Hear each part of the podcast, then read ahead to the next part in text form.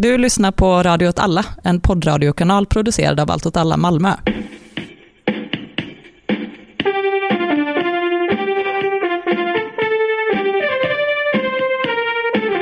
Okej. Eh, hej och välkomna till Jord åt folket-podden. Välkomna. Första avsnittet. Tack. Välkomna. Eh, ja, vi är ju i vanliga fall en studiecirkel, Mm. men nu också en podd. Mm. Och eh, vi brukar prata mycket om matsuveränitet. Ja, Mm. precis. Eh, Vi, kan, vi presenterar oss först. ja, Mm. Eh, Bra. Jag heter Tove. Jag heter Max. och jag heter Emma. Ja, matsuveränitet. Mm. Jag tycker någon ska förklara det. Ja, definitivt. Vill du köra Max? Åh nej, okej. Ehm, ja, men det handlar väl mycket om eh, att ehm, eh, matproduktionen ska vara under demokratisk kontroll.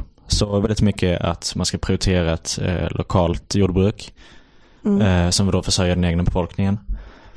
Eh, och så ska det vara mycket så här att, ja men, mat ska inte vara en, som vilken handelsvara som helst utan det är en mänsklig rättighet som alla behöver.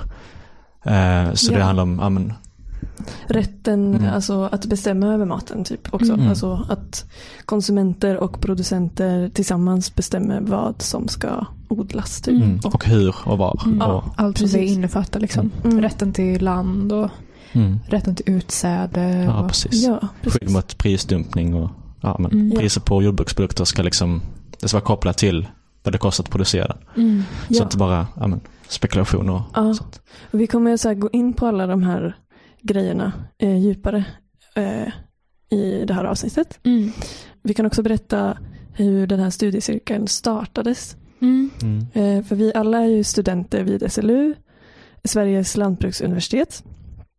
Eh, och eh, vi kände väl att de här sociala perspektiven kring jordbruk och matsuveränitet saknades på SLU. Mm. Mm. Eh, och eh, du bjöd in en föreläsare Max. Ja, precis. Jag kom i kontakt med Nordbruk som vi kommer att prata mycket om också. Mm. Men eh, så jag bjöd in eh, Torgny Östling som är då är deras ordförande. Och Nordbruk är då den svenska medlemsorganisationen i Levia Campesina som är den globala småbrukarrörelsen. Just det. Mm. Ehm, ja, Då kom Torgny till SLU och föreläste om matsuveränitet Mm. för oss. Han är ju själv bonde liksom, Mm. från Jämtland. Jämtland. Mm. Just det. Och det kom massa folk. Och Ja. det var väldigt peppig stämning. Ja. mm.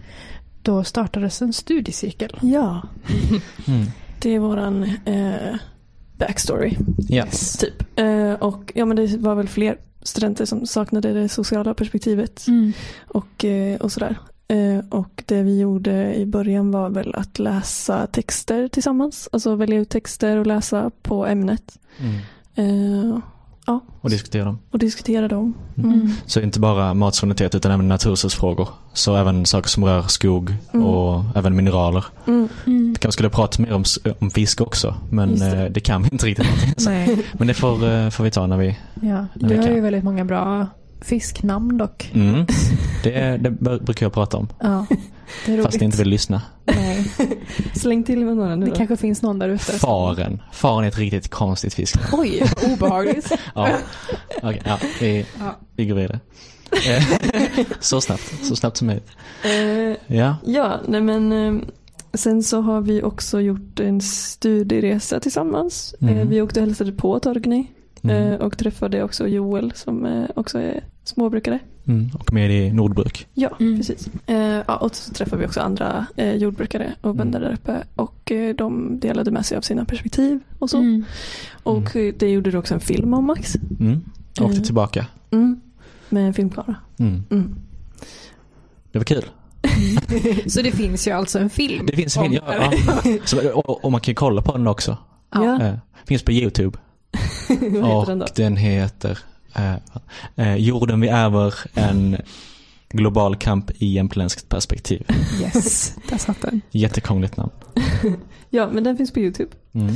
Eh, och vi har också film, vi brukar visa den på olika ställen i, i Malmö och ut på Alnarp eh, där skolan ligger eh, om man vill kolla på den tillsammans med andra. Mm. Vi, är, vi är Malmöbaserade kan vi också säga kanske. Ja. Ehm, ja, så vi skriver också artiklar till en liten tidning som vi har. Mm. Eh, som vi, vi har sex nummer Mm. Eh, och de två senaste numren har vi gjort i samarbete med Nordbruk. Då. Så de har också skribenter som, som skriver till den. Mm. Mm. Så nu är de senaste numren, är, eller det senaste numret är dubbelt så tjockt som det första. Så det är Ja. lite roligt. ja. Eh, Mm. Men de finns att eh, plocka upp gratis på till exempel Center Solidar, där vi sitter Ja. och spelar in just nu. mm, Och på Amalthea och brukar också finnas på Alnap. mm, precis. Ja. Och vi brukar också dela dem från vår Facebook-sida. Mm. Mm. Eh, man kan också prenumerera på dem om man vill Mm. ha dem på posten i pappersform. Ja, det kostar lite. Men eh, det lite. hade varit bra för vi är nu drygt 600 kronor back i utskriftskostnader. Så att det hade, eh, ja, Det mm, hade varit gött att ja, inte ligga back. precis. Men det finns också som sagt som pdf. Ja. Ja, precis. Så att, eh, ta del av den. Eh, vad gör vi mer då? Vi körde ju precis också bokcirkel på Torgny Östlings nya bok Back to Basics. Just ja. Det. Just det. Mycket bra bok. Mm. Och det tänkte vi väl köra igen. Ja, under hösten. Mm. Mm. Den finns ju nu på engelska och det var den vi läste men den ska ju snart komma ut på svenska också. Mm. Mm. Mm. Och ifall någon är intresserad så kan eh, man köpa den av oss också. Mm. Ja. Man kan mejla oss. Ja, precis. Studentpris, 150 kronor. Mm. Ja, man kan mejla oss. Mm. Vad är våran mejl? jordatfolket at outlook.com. Just det. Det är alltså inga, det är inte å det är mejl, utan det är a istället. Ja, precis. Ja. Bara små bokstäver. Ja, Mm. att folket. Okej. Mm. Yes. At outlook.com. Outlook.com. Mm. Eh, ja, eh, så vi pratar som sagt om matsuveränitet eh, och vi har, ett, eh, vi har ofta ett svenskt perspektiv på matsuveränitet. Mm. Eh, men vi eh, sätter också eh, det i en global kontext Mm. och använder oss ganska mycket av eh, globala exempel. Mm. Ja, det blir ju typ automatiskt så eftersom Ja. det ofta är samma mekanismer som styr Mm. i princip Ja. överallt. Ja. Så både EU och sen så WTO lagstiftning som vi kommer komma att prata mer om Ja. sen. Men Om vi kommer. Ehm, så att, och också om man vill engagera sig så kan man eh, kontakta oss också. Mm. Och om man vill vara med och skriva en artikel på ämnet till exempel till, till tidningen så får man jättegärna eh, höra av sig till oss. Mm. Eh, och också om man vill att vi ska prata om någonting i podden eh, så får vi se om vi kan det. Ja. mm. Ja. Mm. Okej, ska vi köra igång? Yeah. Yes. Vi kör. Så vi börjar med att prata om varför det ser ut som det gör i jordbruket i Sverige idag. Mm. Mm. För det är inte precis en naturlag Nej. hur det blivit så här utan även det känns som det är ofta så som det framställs att Ja. det är klart det är så här. Så här kommer det alltid vara. Mm. Ja, det finns ju verkligen ett narrativ kring att det är liksom, ja men typ på SLU till exempel så har vi pratat om eh, svensk äppelproduktion. Eh, och hur liksom Sverige är inte självförsörjande på äpplen och eh, kommer aldrig vara det. Mm. Typ. Mm. När det verkligen är tydliga politiska beslut och mekanismer som ligger bakom detta. Mm. Mm. Typ så här, hur mycket vi än ansträngde oss så skulle det inte gå. Typ så här. Mm. Alltså det låter ju som att det är någon slags naturbegränsning som gör att det inte funkar. Mm. Väldigt tydliga, konkreta politiska liksom, beslut som gör så att vi inte har det. Liksom. Mm. Jag kan till exempel läsa upp ett litet stycke från ehm, riksdagens databas om när vi då skulle gå med i EU. Det står så här. I och med Sveriges inträde i EU kan äppelodlare som röjer sina odlingar få upp till 55 000 kronor per hektar röjd mark. Bidraget är begränsat till friska, produktiva odlingar där trädens ålder inte överstiger 20 år. Andra villkor är att ingen nyplantering av äpplen sker på den röjda marken och att bidragstagaren förbinder sig att inte odla äppelträd inom de kommande 15 åren. Alltså det är så, Alltså det är så stört! det är så Gud. konstigt alltså. Det är liksom, och det här, det, det pratar ju inte våra föreläsare om. Nej. Det är som en osynlig liksom, bakgrundseffekt. Mm. Eh, Mm. alltså, Mm. ja. Ja, och det är väl det som är liksom, ja, präglar allt. Mm. Att man Mm. pratar väldigt lite om de mekanismer som faktiskt styr. Mm. Men, Men det är ska väl det vi- vi ska gå in lite på idag kanske. Ja, ska vi börja med att typ så här, eh, bara måla upp en bild av hur jordbruket ser ut idag. För Mm. de som inte liksom är så insatta i det. Mm. För det är också någonting som är svårt att vara insatt i. På Mm. grund av det här styrande, alltså det här narrativet. Liksom. Mm. Ja. Ja. Hur ser det ut idag? ja, det är ju eh, inte så lätt att vara bonde Nej. idag. Nej. Eh, om du inte redan har eh, typ ärvt en gård eller har väldigt mycket kapital. Mm. Eh, Ja, hur ska man säga? Alltså det finns liksom inte utrymme för jordbrukets egna syfte. Typ. Nej. Alltså Mm. det är väldigt så, det ska, det ska uppfylla massa andra förväntningar. Typ Mm. urbana förväntningar Mm. och Mm. det ska ha en, en, alltså det ligger ju i att jordbruk ska vara så jävla konkurrenskraftigt. Mm. Mm. För Mm. alltså, jordbruks, alltså priserna på jordbruksprodukter är ju så extremt låga. Mm. Så det blir att ifall man ska kunna överleva så antingen så får man producera extremt mycket Mm. och det är bara möjligt för de extremt stora företagen på Mm. slätterna. Eh, Precis. så annars ska man då eh, helst kombinera med andra grejer som till exempel ha ett café eller Mm.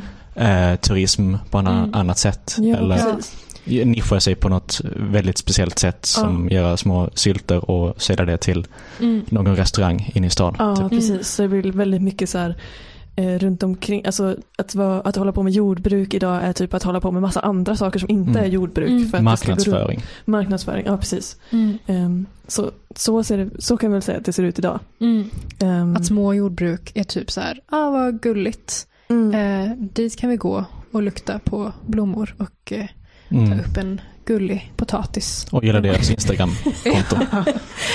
ja, precis. Mm. Ehm, Men det har liksom inget egenvärde nej. att den gården producerar mat. Liksom. Mm. Mm. Så ja, väldigt låga priser och också svårt att få, alltså, svårt att få tag på en gård för att priserna på eh, ja, men, jordbruksfastigheter är också väldigt höga. Mm. Ja, för att förr i tiden så var det ju typ så att priset på en jordbruksfastighet var kopplat till vad den jordbruksfastigheten kunde producera. Liksom. Mm. Och nu, är det inte, nu finns det ingen som koppling längre så att nu kan jordbruksfastigheter kosta liksom vad fan som helst. Typ. Mm. Mm. För att så här, Man eh, konkurrerar med typ golfbanor Ja. och Ja men rekreation på alla möjliga sätt. Alltså allt möjligt annat. Liksom. mm. Ja, så att om vi ska gå in lite mer på liksom vad det är för lagar och liksom politiska krafter som har orsakat att det ser ut så här idag. Mm. Eh, ja, det är det vi ska göra nu. Precis. Mm. Eh, För det har hänt väldigt mycket de senaste 30 åren med den här nyliberala politiken. Så ifall vi börjar 1986. Ja, den här Storytime. fantastiska sagan. Ja, men då började den eh, Uruguay-rundan av GATT-förhandlingarna. Och det är alltså eh, General Agreements on Tariffs and Trade, vilket är en, ja, men ett handelsavtal i princip som har funnits sedan 1947. mellan, eller vilka var det som var involverade i det avtalet? Liksom? Jättemånga länder, inklusive Sverige. Mm. Och det här handelsavtalet har då förhandlats i olika förhandlingsrundor. Mm. Och det här, eh, den här Uruguay-rundan då, som började 86 som sagt, eh, den tog liksom förhandlingarna i en nyliberal anda med eh, då frihandel och eh, fri spekulation som nya principer. Mm. Mm. Ja, Den höll på väldigt länge. den, är på, den, den, är- ja, från 86 till 94 Mm. Och slutade med eh, bildandet av eh, Världshandelsorganisationen, alltså WTO. Mm. Och Sverige var ju med i de här förhandlingarna och Sverige som ville se sig själv som ett föregångsland och Mm. vara bäst i klassen. Mm. Eh, De såg de här nyliberala principerna och tänkte att de här ska vi göra Vi ska tidigt. överträffa Ja, de här. nu ska vi Mm. vara riktigt duktiga här. Ja. Så vi gör det här ehm, redan innan förhandlingarna är färdiga. Mm. Så 1988 så bestämde sig eliten i eh, Socialdemokraterna att de ville avreglera jordbruket i enlighet med de här GATT-förhandlingarna då. Mm. Och de ville också gå med i ehm, det som senare blev EU, alltså EG. Mm. Och eh, ja, 89 då så var LRF, alltså Lantbrukarnas riksförbund, ehm, hängde med på den här svängen. Så de bestämde sig, äh, eliten då, bestämde sig att ja, men vi kommer inte gå emot den här avregleringen. Mm. Ehm, och de verkade sedan också för ett EU-inträde. Ehm, toppen gjorde det alltså. Så ehm, ordföranden Bo Dockered sa att ja, men, medlemmarna skulle omvärdera sina åsikter i den här frågan. Okej, så först skulle Lantbrukarnas riksförbund eh, vara emot den här avregleringen av Mm. jordbruket. Och sen så bestämde sig toppen i LRF Mm. att de skulle vara för avregleringen. Och de Ja. typ bad om sina medlemmar att ändra sig bara. Ja. Ja, alltså, de här, ehm, alltså den här avregleringen hade ju enorm påverkan på jättemånga, för Mm. jättemånga bönder. Mm. Men eliten då tyckte att men, vi ska inte gå emot det här. Vi ska, nu ska vi bara eh, blicka framåt och ja, men, vara med på den här förändringen. Liksom. Mm. Och vara, ja, lära sig att vara konkurrenskraftig på den nya globaliserade marknaden. Mm. Oj, oj, oj. Ja, Och hur gick det då? det, Ja. ja. Men ja, så, så, så var det med det. Ehm, Men det vad, var- innebär det, eller vad innebar den här avregleringen då av jordbruket? Alltså att det, det var, var det då, kan man säga att det var då det tappade sitt egenvärde och blev bara en vara på marknaden liksom? Alltså eh, mat. Mm, den här avregleringen, den, eh, den genomfördes då 1990. Mm. Så det var det första liksom, riktiga beslutet som liksom trädde i kraft. Och eh, ja, alltså först hade det funnits en prisförhandling mellan LRF och staten Mm. på jordbruksprodukter. Som då höll ja, priserna på, vadå, som sa, ungefär i alla fall var en rimlig, rimlig nivå. Men nu skulle det vara helt enkelt eh, marknaden, den global, globaliserade marknaden som skulle sätta priserna. Mm. Mm. Så, då frånkopplas det liksom från det här värdet som eh, samhället sätter på eh, maten då som en ja. eh, nödvändig Mm. vara. Mm. Mm. Okej, så då tappade bönderna liksom kontrollen. Mm. Alltså, eller de hade inte förmågan att förhandla, prisförhandla längre. Ja, precis. Det var ett steg. Mm. Men prisförhandlarna var ju i och för sig inte heller ett perfekt system. Det var ju, ehm, de, det var ju en överenskommelse mellan, dem, mellan staten och det som blev, senare blev LRF. Mm. Eh, Rätt tidigt, jag tror det var 30 eller 40-talet, ska inte ihåg nu. Mm. Mm. Men ehm, det blev lite skevt för att eh, det som nu är LRF då, hette något annat just då. Men det var ju bara en av flera bondeorganisationer. Mm. Mm. Men det var just den här organisationen då som fick monopol på det här. Så att därför kom eh, då LRF i en liksom särställning. Eh, Som gjort så att det är nu i princip bara LRF som har liksom makt. Och i, Mm. i princip den enda bondeorganisationen. Mm. Till skillnad från i Norge typ, där det finns två som i alla Mm. fall kan ge varandra lite mothugg. Och, Mm. ja. Det främjar ju disk, eh, diskussion och Ja. Okej, så det var, det var inte perfekt med prisförhandlingarna som fanns innan eh, avregleringen. Men det bibehöll någon slags liksom, rimlig nivå på jordbruksprodukter. Mm. Mm. Mm, Okej, eh, ja. Och sen så skedde ju den här avregleringen. Mm. Så då, blir, då sjunker ju helt enkelt priserna Mm. direkt. Eh, blir ju det- direkt mycket svårare för Mm. bönderna. Trots att då LRF-toppen hade mm, gått med på den här avregleringen. För det är, Mm. LRF är ju väldigt nära staten så att det hade varit svårt att få igenom någonting så här stort utan LRFs liksom accepterande. Mm. Mm.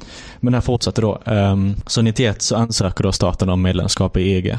Och eh, 92 så um, antas kapitalliberaliseringsdirektivet. Mm. Okej. Detta- Ett långt härligt ord. Ja. Kapitalliberaliseringsdirektivet. Ja. Jag behövde bara säga det en gång. Ja. Eh, och det handlar då om ehm, att vem som helst ska få köpa vad som helst. Mm. Mm. Eh, angående, då kapital, alltså även fast kapital, så, som till exempel jord och skogsbruksfastigheter. Mm. Eh, som sagt, så innan var det ju liksom priserna var kopplade till eh, produktionskapaciteten på en eh, jord eller skogsbruksfastighet. Mm. Men nu var det då fri spekulation som skulle råda. Fritt fram. Fritt fram. Mm. Ehm, hade ju Ja. väldigt många påverkan både på, mycket på skog, Mm. eh, men även till exempel mineraler som vi kanske Mm. ska prata lite också om. Mm. Ja, det finns ju en helt sjuk annons Mm. från Sveriges geologiska undersökning, tror jag, Mm. som är en statlig myndighet.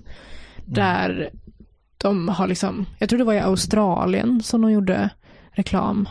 Eh, där det står typ Don't wait, typ eh, minerals eh, rapidly diminishing. Mm. Ja, Eh, precis. alltså verkligen så här- rea. Mm. Ja. för- Vi har diamant, det- guld och andra metaller. Kom snabbt och köp. Ja, Ja. Och det här är då liksom Gold för att, Rush. ja, för de hade ju då skrivit den nya minerallagen som kom 92. Mm. Och det var ju samma anda, det var liksom som en del av kapitalliberaliseringsdirektivet som jag, eh, rörde då just mineralerna. Mm. Att eh, utländska bolag då väldigt, väldigt lätt skulle kunna eh, få koncessioner. Mm. Så SGU, alltså vad heter de? Sveriges geologiska undersökning. Tack. de, hade, alltså, de gjorde ett reklamblad typ som de liksom Mm. annonserade i typ Australien och Mm, över hela eh, världen, typ. över hela världen. Ja. Mm. Där det, jag tror också det står på det här bladet typ så här det finns typ inga lagar emot det här. ja, vi hjälper dig. ja. Precis, vi hjälper dig. Don't Ja. wait. Don't wait. Ja. Eh, ja, men vart var vi? Vi var på kapitalliberaliseringsdirektivet. Fick vi Precis. det en gång till? Mm, wow. Mm. Ska inte du säga också en gång Emma? Kapitalliberaliseringsdirektivet. Oh, Mm. Där har vi det. Yes. Fy fanken. Ehm, ja, och eh, då går vi vidare till 93 för då skedde en liberalisering av jordförvärvslagen. Så Mm. det, det här är väldigt starkt kopplat till eh, kapitalliberaliseringsdirektivet också. Mm. Så jordförvärvslagen måste vi också berätta lite först. Ja, Mm. ja. Eh, då kör vi paus. Eh, historielektion. Mm. Jordförvärvslagen Ja. skrevs 1996. Nej, Nej. Nej, 1906. sa jag 1996? Ja. Gud. Okej, men paus. Eh, först en liten historielektion. Ja. Bra. Jordförvärvslagen skrevs 1906. Mm. Eh, varför då? Det var ju en följd av baggböleriet. Eh, Också ett fint ord. ja, gud så många bra ord. Eh, skogsbolag eh, köpte upp bönders mark på Mm. slutet av 1800-talet. Eh, Mm. Främst i inre Norrland. Eh, men också andra delar av Sverige. Ja, mycket Mm. Dalarna, norra Ja. Dalarna. Ja. Mm. Eh, och det, eh, det var liksom, det skedde på ett väldigt fult sätt. Bönderna blev Mm. ofta nersupna typ eller bara fick inte betalt vad de hade blivit lovade. Mm. Mm. Typ lurade Ja. Eh. Mm. Så det var väldigt många som blev eh, gårdslösa liksom. Och fick Mm. börja jobba för skogsbolagen istället. Mm. Mm. Eller blev arrendatorer på sina förra egna gårdar liksom. Ja. Mm. Så det fick ju verkligen förödande konsekvenser liksom, Mm. för de här bygderna. Ja, precis. Så då, det, alltså det, det fenomenet med liksom att eh, skogsbolag, eh, vad heter de, de kallas typ så här skogsförmän, eller vad kallas de? Ehm, Skitsamma. Mm. Eh, så baggböleriet refererar alltså till den, det fenomenet att skogsbaroner skogs, ja, och skogsbolag eh, köpte, alltså köpte kan man inte säga, lurade bönder på sin skogsmark. Mm. Och då eh, skrevs en lag 1906 för att förhindra det här då. Mm. Eh, så då fick eh, företag inte längre köpa jordbruks eller skogsmark. mm. Mm. Ja, Och så är det ju Ja. fortfarande idag. Ja, så är det, Mm. for- ja precis. Mm. Så är det fortfarande idag. Men eh, Ja, så helt enkelt den här lagen som då skrevs 1906 och så, som senare blev jordförvärvslagen. mm, Hela syftet var ju att eh, motverka eh, spekulation. mm, Mm. Men nu liberaliserar man då samma lag. Just i syfte för att främja spekulation istället. mm. Så att, ehm, Alltså göra om Ja. allting. Mm. ja, eh, tillbaka till sent 1800-tal i den här Mm. Mm. Ehm, Så det Mm. finns, alltså lagen finns fortfarande. Mm. Att företag får inte lov att köpa privatmark. Men det är inte lika strängt typ vad man gör med marken när man Nej. väl Mm. precis, äger så, ja, alltså så, om man är en privatperson. liksom. ja, precis. Så privatpersoner får eh, spekulera på eh, skogsfastigheter. Mm. Mm. Eh, Men alltså ja. jordförvärvslagen har liberaliserats Ja. helt enkelt. Mm. För visst var det så att innan, även om du var en privatperson, så fick du inte lov att göra vad som helst med marken. Alltså du behövde ändå typ bruka den marken Och bo där också. och bo där. Mm. Det är typ det som hände med liberaliseringen. Att då, var, då luckrades Mm. det upp. Att då kunde man bo någon helt annanstans Mm. och äga massa mark i typ Norrland liksom. Mm. Mm. Eller bara vanliga alltså, jordbruksfastigheter. Man bara har det som en fritids, eh, fritidshus. Eller att det liksom ingår i en större fastighet som man egentligen bara köpt för att man vill jaga på, i skogen. Liksom. Mm. Det finns många fall av det. Mm. Så att eh, mycket, mycket mark som blir obrukad och eh, priserna helt enkelt Mm. skjuter i höjden. För att den som vill bli jordbrukare kan inte konkurrera med någon som bara vill köpa och spekulera på markvärdet eller bara vill ha det som rekreation Mm. med jakt eller, Mm. eller menar, hästgård eller golfbana eller vad som helst. Det här leder ju också till att eh, det blir mycket mer utboägande. Alltså typ att man bor i Stockholm och äger skog i Mm. Norrland. Och det drar också ut skatter, alltså från eh, länet där skogen finns då, Mm. eller kommunen, till en annan kommun. Mm. Ofta en rikare kom- kommun, alltså en Mm. storstadskommun. Mm. Eh, och det är också en hel egen grej, alltså ett Mm. eget problem liksom, Ja. eh, som leder till att välfär- välfärden på landsbygden avvecklas Mm. till exempel. Mm. Eh, det, ja. Ja, så Mm. oavsett om man liksom är intresserad av jordbruksfrågor eller inte så är det här ju någonting som berör alla. ja, precis. Vad har vi gått igenom hittills? Vi har pratat om Nu har vi pratat om då um, avregleringen av jordbruket. Vi har Mm. pratat om ehm, att prisförhandlingarna i jordbruket försvinner. Vi har pratat om um, kapitalliberaliseringen, mm, minerallagen och liberaliseringen av jordförvärvslagen. just Och nu kommer vi då till den nya konkurrenslagstiftningen. Vart, vad, vilket årtal är vi på? 1993. 93. Så det konkurrenslagstiftningen, Konkurrenslag. låter det härligt? Det låter fantastiskt. Så det är också i samma liksom, anda som den här, um, amen, att prisförhandlingarna försvinner. För nu, Mm. innan så fanns det en, då en prisförhandling mellan staten och LRF om jordbruksprodukter.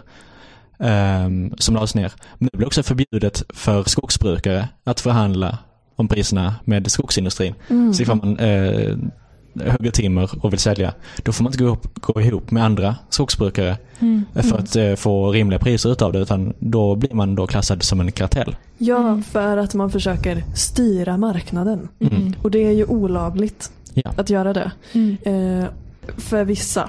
Vissa får göra det, Ja, andra Mm. får inte göra det. SCA får göra det. SCA får göra det, alltså är det Sveriges största skogsbolag? Sveriges största privata skogsägare Ja. äger ungefär 9% av Sveriges produktiva skogsmark. Och det kanske låter lite, men det är så jävla mycket skog. Ja. Mm. Det är så sjukt mycket skog. För det finns extremt mycket skog i Sverige. Det finns så mycket skog. Och mm, alltså, det jag menar är typ att okej, små privata skogsägare får inte gå ihop för att försöka höja priserna på sitt virke. Alltså på Mm. skog. Men de här stora skogsbolagen får begära ett pris från privata skogsägare i Sverige. Mm. Får de inte det här priset, alltså vill inte, vill inte de sälja för det här priset, då köper de ju bara eh, virke, alltså köper timmer från ett annat europeiskt land. Mm. För det får de göra på grund av de här avregleringarna också. Precis. Importera. Ja, de importerar då. Och det är ju liksom inte så mycket val då som man har Mm. som skogsägare i Sverige att, att, ehm, att säga nej till ett sånt pris. Ett sånt Mm. lågt pris. Det är ju det, är det enda priset du kan få. Mm. Mm. Och det här med att liksom, det blir ju en slags hot om import. Mm. Eh, och det är ju definitivt att styra marknaden. Mm. Alltså det pressar ju ner priserna till precis där de vill ha dem. Liksom. Ja. Mm. Sen också det att de här principerna finns ju också i EU. Så att det här på, alltså, våra problem finns också i andra länder, till exempel i Baltikum. Mm. Eh, där de här bolagen då köper mark idag. Mm. Så att då kan de ju ha, de har ju sina egna skogsmarker i Baltikum som de kan importera från. Mm. Så att det blir liksom, som skogsägare har man ju väldigt lite makt. här Ja, då. det är ju väldigt, eh, det måste vi nästan nämna. Mm. Det är juicy SLU-skvaller. Mm. Att det finns ju, eller en av de skogsägarna är ju Ikea. Mm. Mm. Eh, har inte de ett eget, eh, vad heter det, skogsbolag?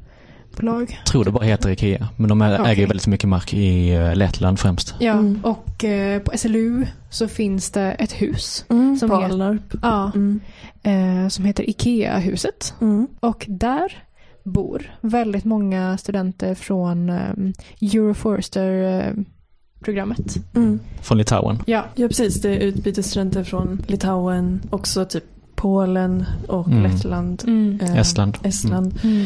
som läser skog Ja. och kommer på utbyte till Sverige mm. och går Euroforester-programmet och de får stipendier då från Ikea Ja. eh, att göra det.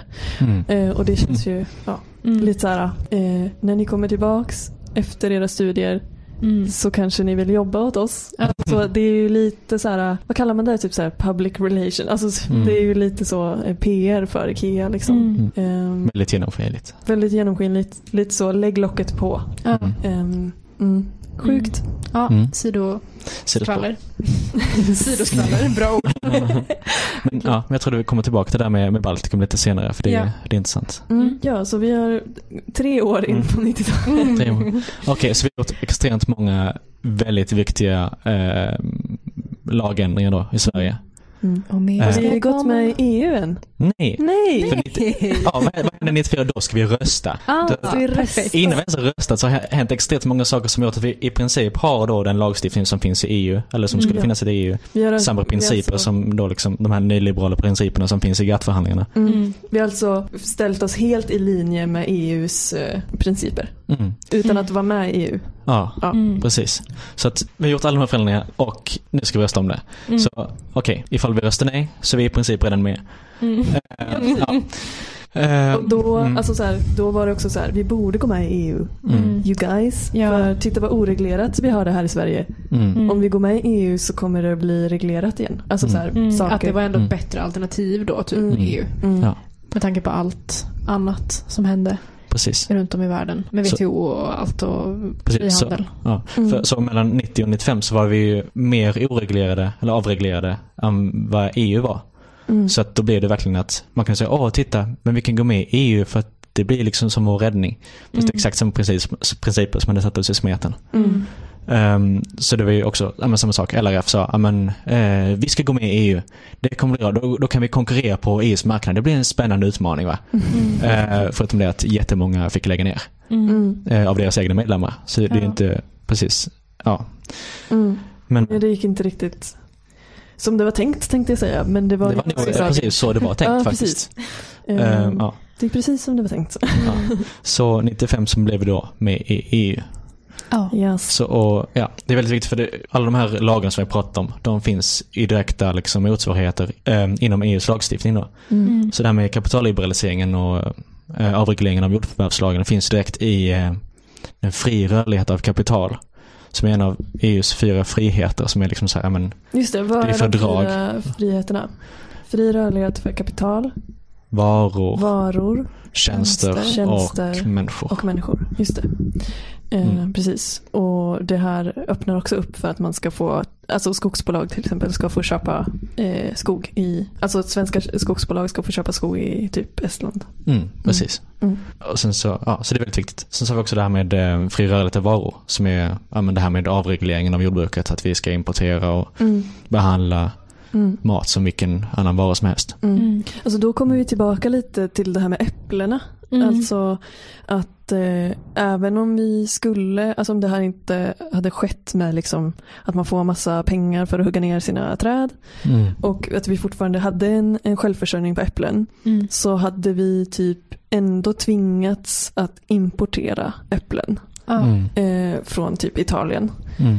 Eh, för att WTO finns. Mm. Det finns regler där som säger att liksom, kan man säga typ kontraktländer, alltså Medlemsländer. medlemsländer måste importera och exportera ett visst antal eh, Mm. varor av Mm. liksom. Mm. En viss, en viss bara- mängd av varje vara måste Mm. importeras. Ja, och också bara att man måste, enligt de här fyra friheterna, liksom, att man måste välja den billigaste varan Mm. som finns. Mm. Har vi en vara själv, men det finns en billigare vara i ett annat land, så är det den vi, då måste vi importera den. Mm. Liksom. Mm.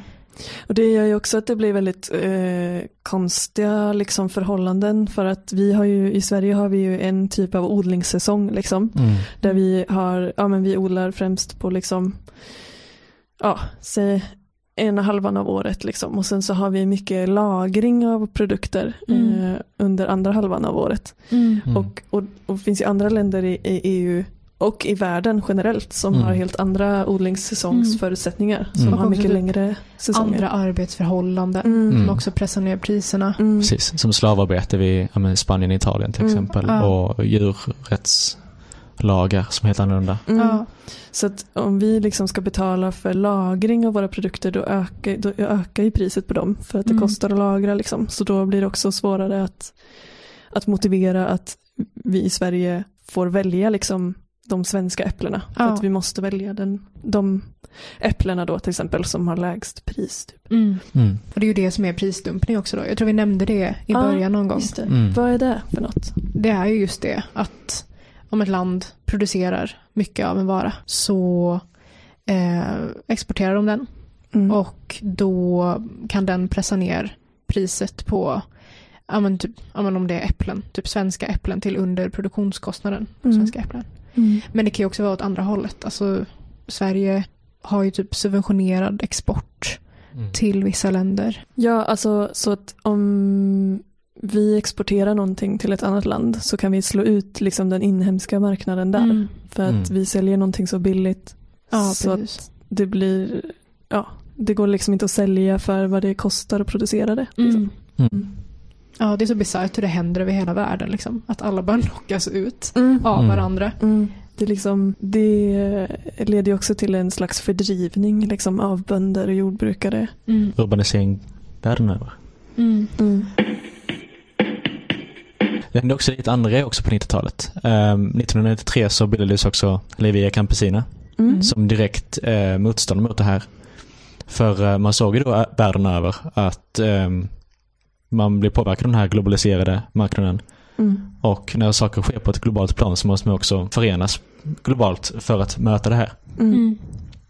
Eh, så det är ju väldigt många länder eh, och organisationer. Jag tror vad är det, 82 olika länder. Mm. Över 180 organisationer globalt. Mm. Mm. 200 miljoner medlemmar. Ja, Ja, precis. Ja. Globalt. La Via Mm. Campesina står för bo- Bondens väg. Mm. Mm. Tror det. Och där är också Mm. Nordbruk medlem då. Mm, Alltså den, den svenska medlemsorganisationen. Mm. Mm. Just det. Så Nordbruk bildades då 96. Mm. Också i direkt samband med det här. Mm. Eh, ja, hade väldigt mycket ja, men motstånd till inträdet och så Mm. vidare. På grund av det här, de här all, eh, anledningarna då. Mm. För man såg hur det, eller man, ja, man förstod ju hur det skulle bli på Mm. grund av den historien som man har haft i Sverige med baggböleriet. Mm. Eh, och andra saker, också andra saker Mm. som vi kommer gå vidare in på. Nu. Nej, en annan dag. Det är för mycket, vi kan inte ta allting. Men, men eh, det är väl det som hände, som har hänt fram till 95. Sen hände ju mycket mer med um, de tre etapperna av EMU. Mm. Som är ett helt kapitel bara det. Men eh, jag tror vi... Vi tar det Det bli gång. annat Ja, det får Spara vi... på den. Ja. Det hände jävligt mycket i början av 90-talet. Ska vi zooma ut lite och Mm. gå tillbaka till nutid?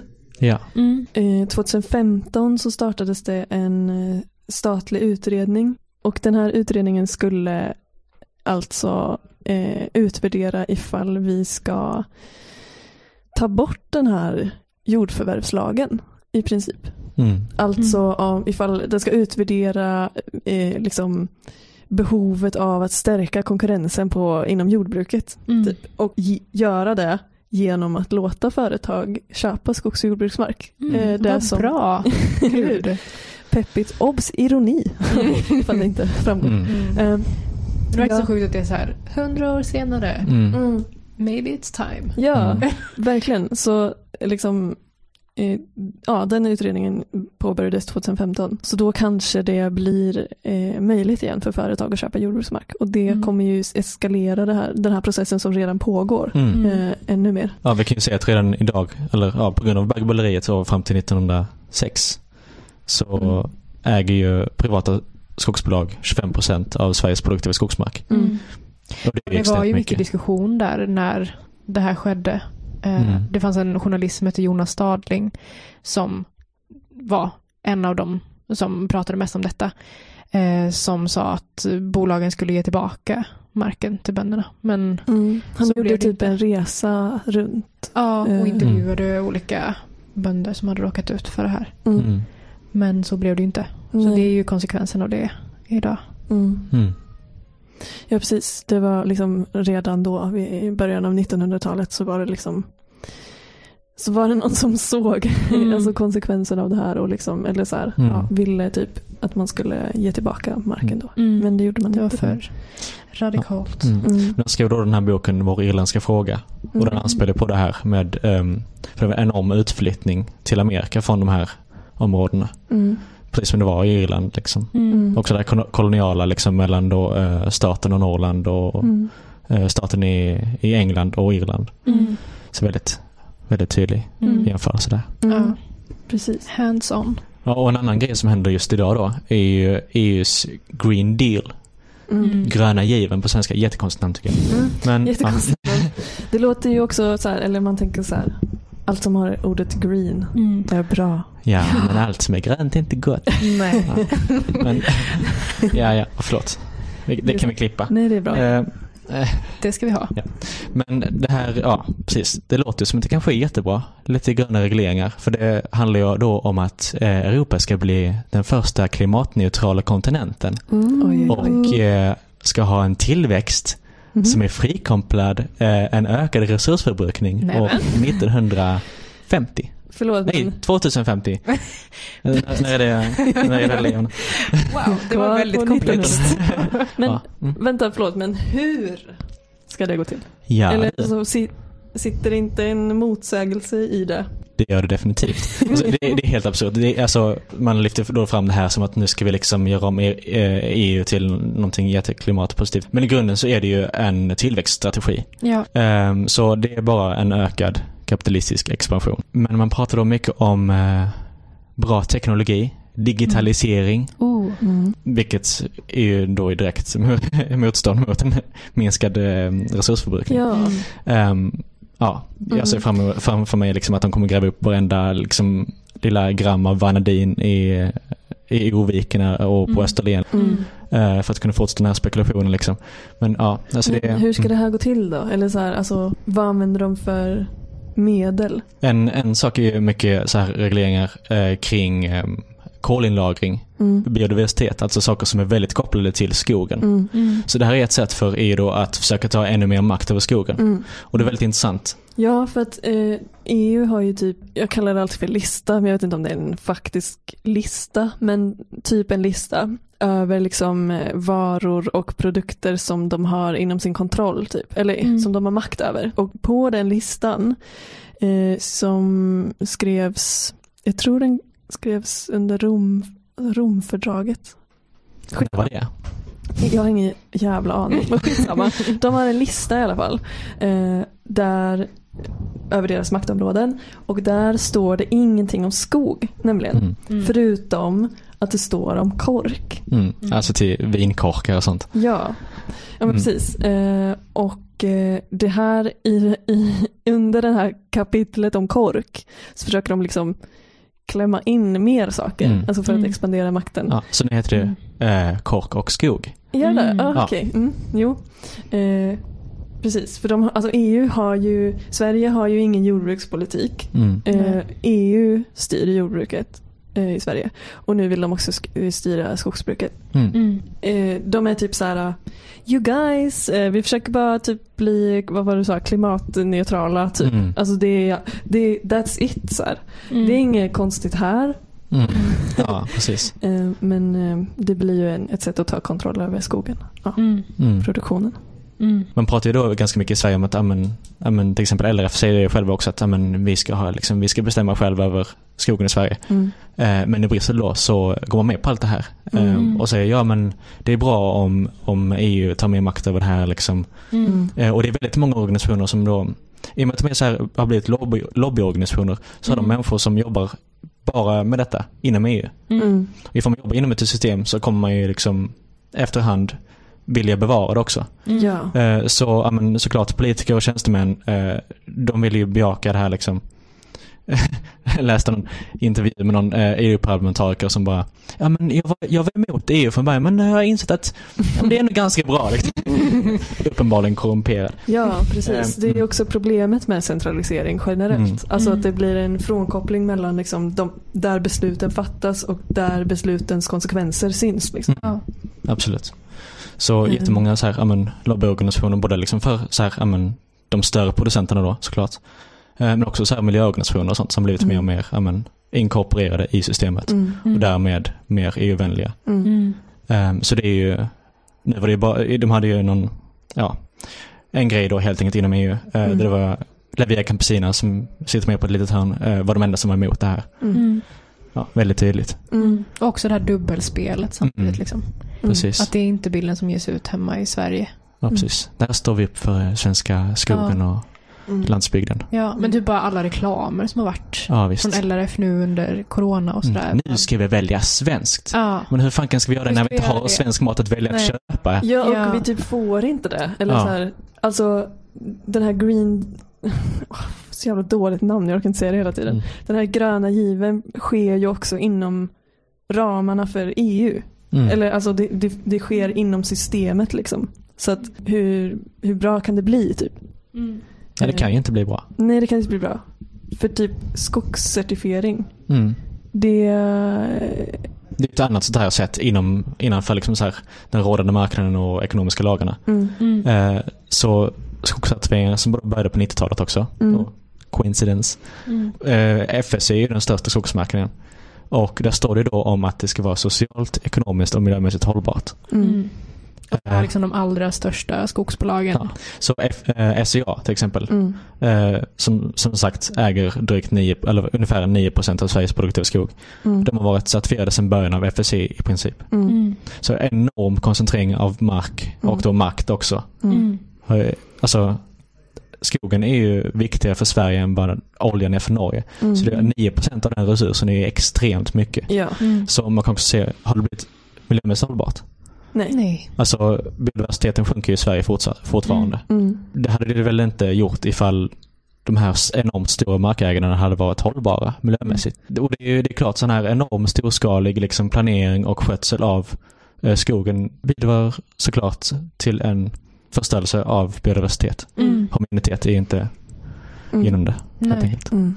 Inte alls samma sak som då den, de, de mindre sko, eh, skogsägaren då som kan ha jättemånga olika sorters eh, mål med sitt skogsbruk. Mm. Till skillnad från då SCA som har ekonomisk eh, vinst som det enda Ja, viktiga mm, för sina det. aktieägare såklart. Mm. Kan inte vara på ett annat sätt för ett företag. Mm. Ja, men det blir ju verkligen så tydligt att det bara är ännu en marknadskanal liksom. Mm. Mm. Som andra certifieringar, typ krav. Det är också väldigt tandlöst liksom. Mm. Ja. Eh, ja, men då var vi färdiga med första avsnittet. Mm. Men som sagt, ifall man har kommentarer eller förslag på, eh, på ämnen och så, så det går väldigt bra att kon- kontakta oss på både på Facebook, där vi heter Jordatfolket, Mm. Ja. eller på mail, jordatfolket at outlook.com. Men vi kan ju också säga vad som kommer hända. Eh, vi kommer ju ha spännande gäster framöver. Mm. Till exempel eh, självaste Torgny Östling i Ja. egen hög person. Och diverse goa rants bara. Ja, Mm. Det, precis. Det finns material, Mhm. om man säger så. Men nu har vi skrapat lite på ytan. Ja. Ja. Eh, ja, vi hörs. Vi hörs. Ha det så Bra. Hej då. Hej då.